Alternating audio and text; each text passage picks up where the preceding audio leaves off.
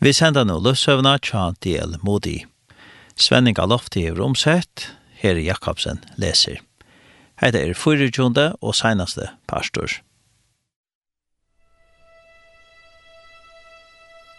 Heimskjente amerikanske pratikumæveren Dwight L. Moody var føtter nærende spøynen Boston og i staten av Massachusetts i 1836 og antaist i 1895. Til sammanberingar skal sigast at Moti livde samstundes som skoten William Gibson Sloan, som var fødder i 1838 og som prædika i evangeliet i fyrjun. Havast Dwight L. Moti andaist einans 22 år gammal, hei han prædika fyrir mannfjöldun og i taltu meir enn 100 millioner, nekv meira enn nekar annar ta adøvun. Hesen vi er kjente og virte evangelium båbere, bær en loande andans eld i barme søgnen, etter at leie menneskje til Kristus, etter at han nøytjan er gammal var omvender. Han var ikkje einans kjentur i Amerika, men eisni i Europa, særstaklig i England og Skottland. Miskais og Lusverst søgnen sier mot i, Versk mot kjennes størrbærare nu enn nekrandi avur. Akvar en frøye at vera vi og hesson innhestinga verskje fyrir herran.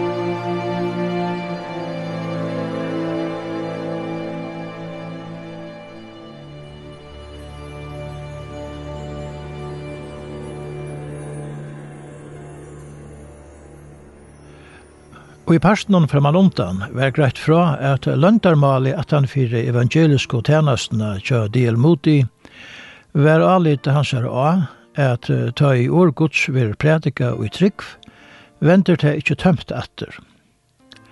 Han ivaist ikkje i gods års sannleika. Bønarløv hans her var ikkje avmarska til avsar tøyer. Han ber alltid. Han vitsa i nekv gamle mauer søgna, og prata i nek. Han sier at Guds øttande mammasøyn, og i var antja en ståran parsta av Løyvesøynon, var til menneske av folk som han hei nekv mest a takka fyrir av så folk. Tro var jottan hans var einfølt, i løyte av god. 24. parster. Seinasta fundarøyn tja moti. Medan moti enn vær i bestu åren, spurte han einafer ein av bestu vindmånen søgnen etter ein strøvnan det. Hever ter nærkande langst etter å komme heim til himmels. Så visste han vindmannen et brot i bok etter Rutherford, og be vindmannen lesa hetta brotet her høvenden leter langslen etter fullkomna samfellanon vi Jesus komme til skjøntar. Fravera Jesusar er eins og eit fjall, og i forar og tinger sinnmøtt. Nær færa vid at hittast. Nær fyr bidløpstæver lamsens er rysa. Gav og god, gavet hava kjøtt. Møn elskar jeg, skundat her som en ungur gjørster opp om fjallet og i kyler okken. Og Gave han hei sauna rømt og klótur saman som et dolka plagg, stegga tui og døvun og gjørst brittlep lamsens til reier. Etter at han festu eie søyni av meg, er hjarta mot ikkje langur mot egna. Han er færen til himmels vittøy. Lutsjer er vinteren, og kjemur hiane Jesus er. Hesi årene og i bautjen til Rutherford var det av hatt en løsning av andalige støven til moti. Tøy, han levde daglig i en innelig samfellegi ved himmelska bryggeomsøyn. Ta i gamla mover hans er andaist. Kunde moti gledast om alt det, og i god hei givi honom og sistjon hans er vi henne. Men ta i nøkker av appabøtten hans er døye, Værda som et band dro han mot ut i åsjonlige heimenen. Fyrsta battene i døye var Abbasøneren Dwight, og jeg var oppkattlaver etter moti. Nega etter døye Abbadøtteren Irena, og jeg var fyra åra gommel, og som var syrstega nær knutt av Abbanon. Hetta var fyra manair og er en moti sjølver andaist. Han platte at køyra turar vi henne vi røssavåknen om ta jeg var heima i Nordfield.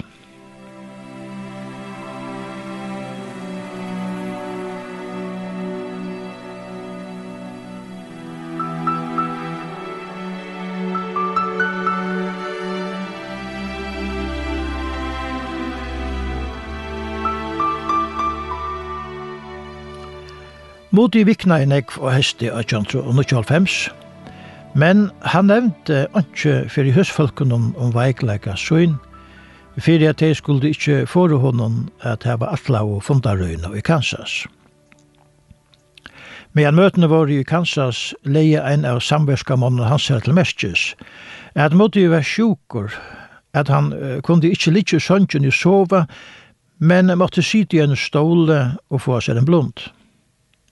Han ville heller ikke at neka skulle få neka vite om hetta, heldur ikkje hans kæro, ikkje fyrr enn fundarøyen var liov, og han var heimat og kom.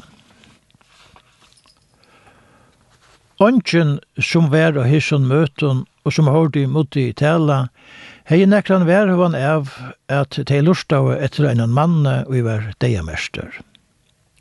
Han tala i vi som og andan smegi til store mannfjöldunar, og vi kommer saman at lusta etter båskap i hansara. Men da han kom til hus etter møtene, var han utlikvaver.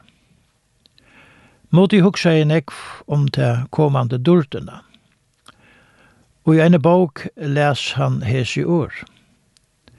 Stund om stund kommer dæveren nærre og nærre, ta i herren skal torska kvart har av egen okkara. Hesen trøytte og soffande heimur fer til endans at være glæver, til sorg og suff skulle eina for kvørva med alla. Og i einare av seinaste hotellen søgnon i Kansas sier moti. i. Jeg skiljer ikke som sier at best og det er okkar er færner. Bråsande grad han fra at åre fire hei en lysje enn av dagbløvnen. Gamle moti er i bøynen. Så skøyt han på i. Gammal, jeg er bare 22 år. Jeg er best et baden enn sammett vi hin lenka evanleikan vi kjøymer. Og for en framtøy. Ongen deie, ongen sorg, ongen pyna, ongen alderdommer, ongen sjuka. Bæra gleie, frier, kærleitje og etna. Ongen grå har, ötler i ung. Løfsens a skal grua folkasløyne. Eit evet løyv. Hugsa eina lutla løte. Luiv. Luiv. Endalest luiv. Men kostne, så velja mange menneskje hetta for forgåndselige luive fram om mitt evige. Stong ikkje hjersta tutt fyrir til evige luivenon, men teg imot tui. Vil du ikkje teg imot tui nu? Vi endan av møten hon vende mot seg til der mange predikomennene som stå av paddelen at han fyrir igjen. Vilja tid prædugum en løyva mer sier år? Ja, sverra ut her. Jeg kalli ikkje meg sjølvan fyrir profet, men jeg færre sier nekka som fyrir at prekva seg at vera en profetisk sannleik. Nek veri tale om prædugumannen i 20. öld. Vita tid hvordan han fyrir vera. Han verir ein av teimen prædugumannen som færa at leta opp i bli og prædike ut fra henne. Og hva er jeg ikke trøytter av prætikamannen som halda fyrløstrar, ta det tala. Jeg er om å spudja da jeg høyre seg talarar. Jeg vil høre talere og ikke vindmøller.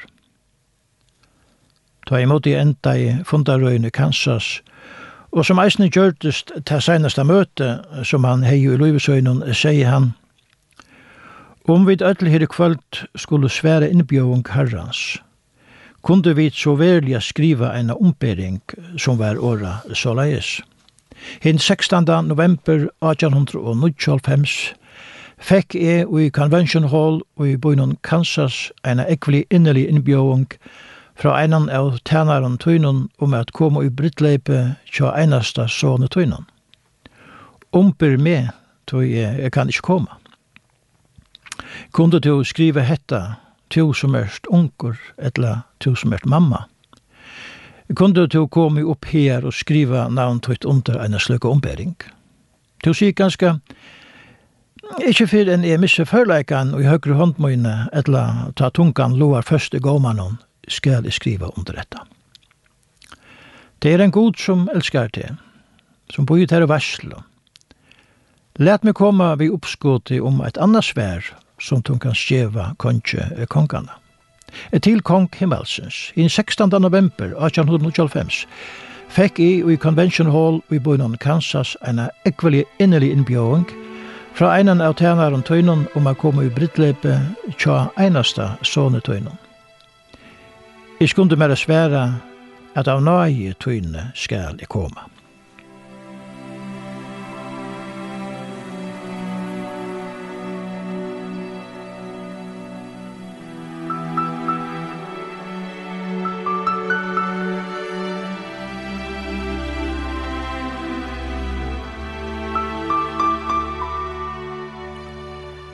Etter møte får Mutti beina veien heim til Nordfield.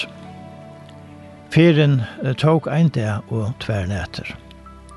Og vi heim var fyrra tog sanka så nekv, er trupult for at vera at noa nasta tog. Togfyraren hei hårst, at Mutti var vi togjen og ville komme heim så kjøtt som gjørlet, og sende tog på til hans herre, at han skulle gjøre sitt besta fyrir at noa hitt tog. Siv mot det at det var omvender, ta i han tala i 4-15 år åren så igjen. Tåtje nådde fram rattstundes, så at mot det kunde færa vi hinnom tåtjenom og i kortet til heimbygdena og hans herra kæra.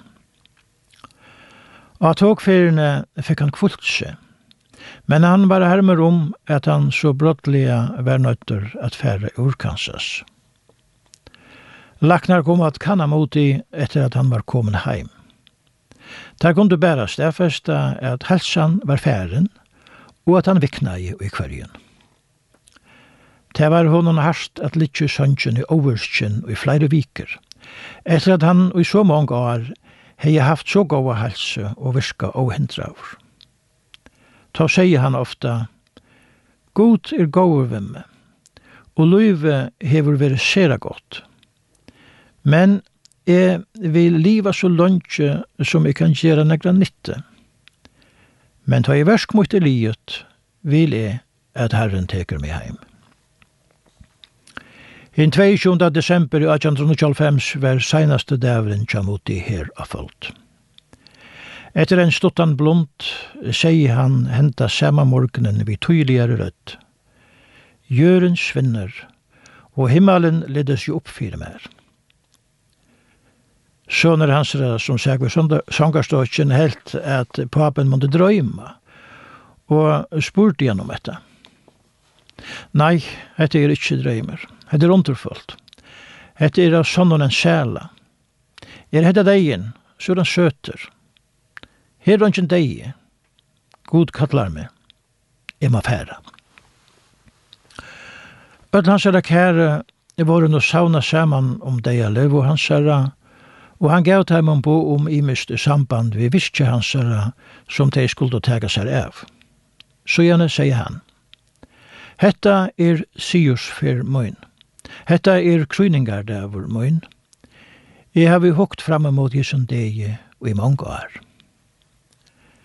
Etter hetta fattel han vi vitløse, og ta i laknen gav hon honom en innsprening, vakna i han brottliga, settes jo oppe i sønnsyn og sier, hva er det av oss? Hva gjør det til alle her? Ta i deg sødde honom at det var tog at han var sjukur, ta sier han. Hette er løy. Jeg har vært i hine min deians postur, og innanfyr postur himmelsens, og nu blir jeg atter her. Hette ser løy. Døtter hans er be han om ikkje færa fra teimen. Ta sier han, Jeg vil ikkje spittla løy mot bostur jeg skal være her, så den kjom nei ut er. Men om stunden kjem er komen, så er jeg til reier affær.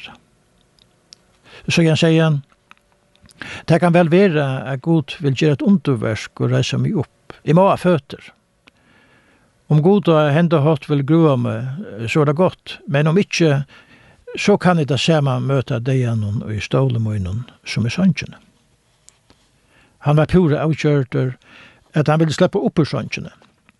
Ja, han tjekket i gulven og sette seg en løti og i en djupans stål. Men han var så veikur at han etter luttlar løte er gledelig for at det lekkjesse. Ein av teimen som var om han ville gjøre hun et heilt omslag, men han sier nei, det vil jeg ikke. Om god innskjer at gjøre et underverk, så har vi ikke bruk for hesen. Jeg held i eisene at vi skulle be laknan færa. Laknen er i hoa djuva moti en innsprenning av træt. Men moti hukte på han og sier, halda tiden til å være det beste gjerra, er det ikke einans å halda meg noen kær i ovese, løt oss settene flotte mot det stittelslige heim og ut evige bosteier. Einar fyr sier moti og i tale syne, Ein der færa tid at lesa i bløvenen, at mot jo i deir. Men tid skulle ikkje trykva tøy. Er i ångantøy så livant som ta. Er det best flottur ur lærsmått og møyne hera folk, og inn og i evige bostamøyn og i himmelen.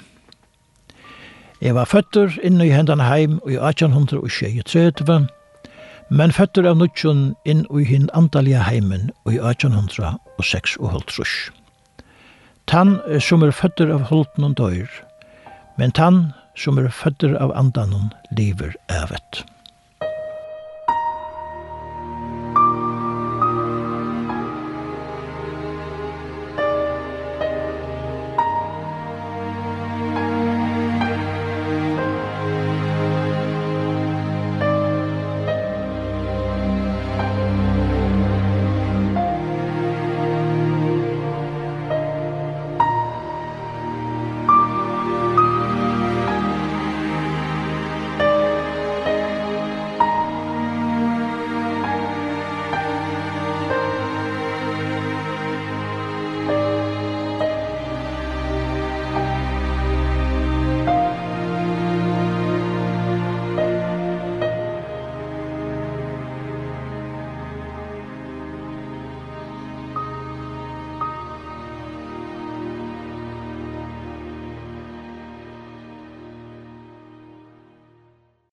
Vi har sendt løvsøvna tja DL Moody, Svenning Lofte hever omsett, her er Jakobsen les. Hetta var 24. og seinaste pastor. Hesen pastor og ære pastor kun høyrast av heimasine linden.fo.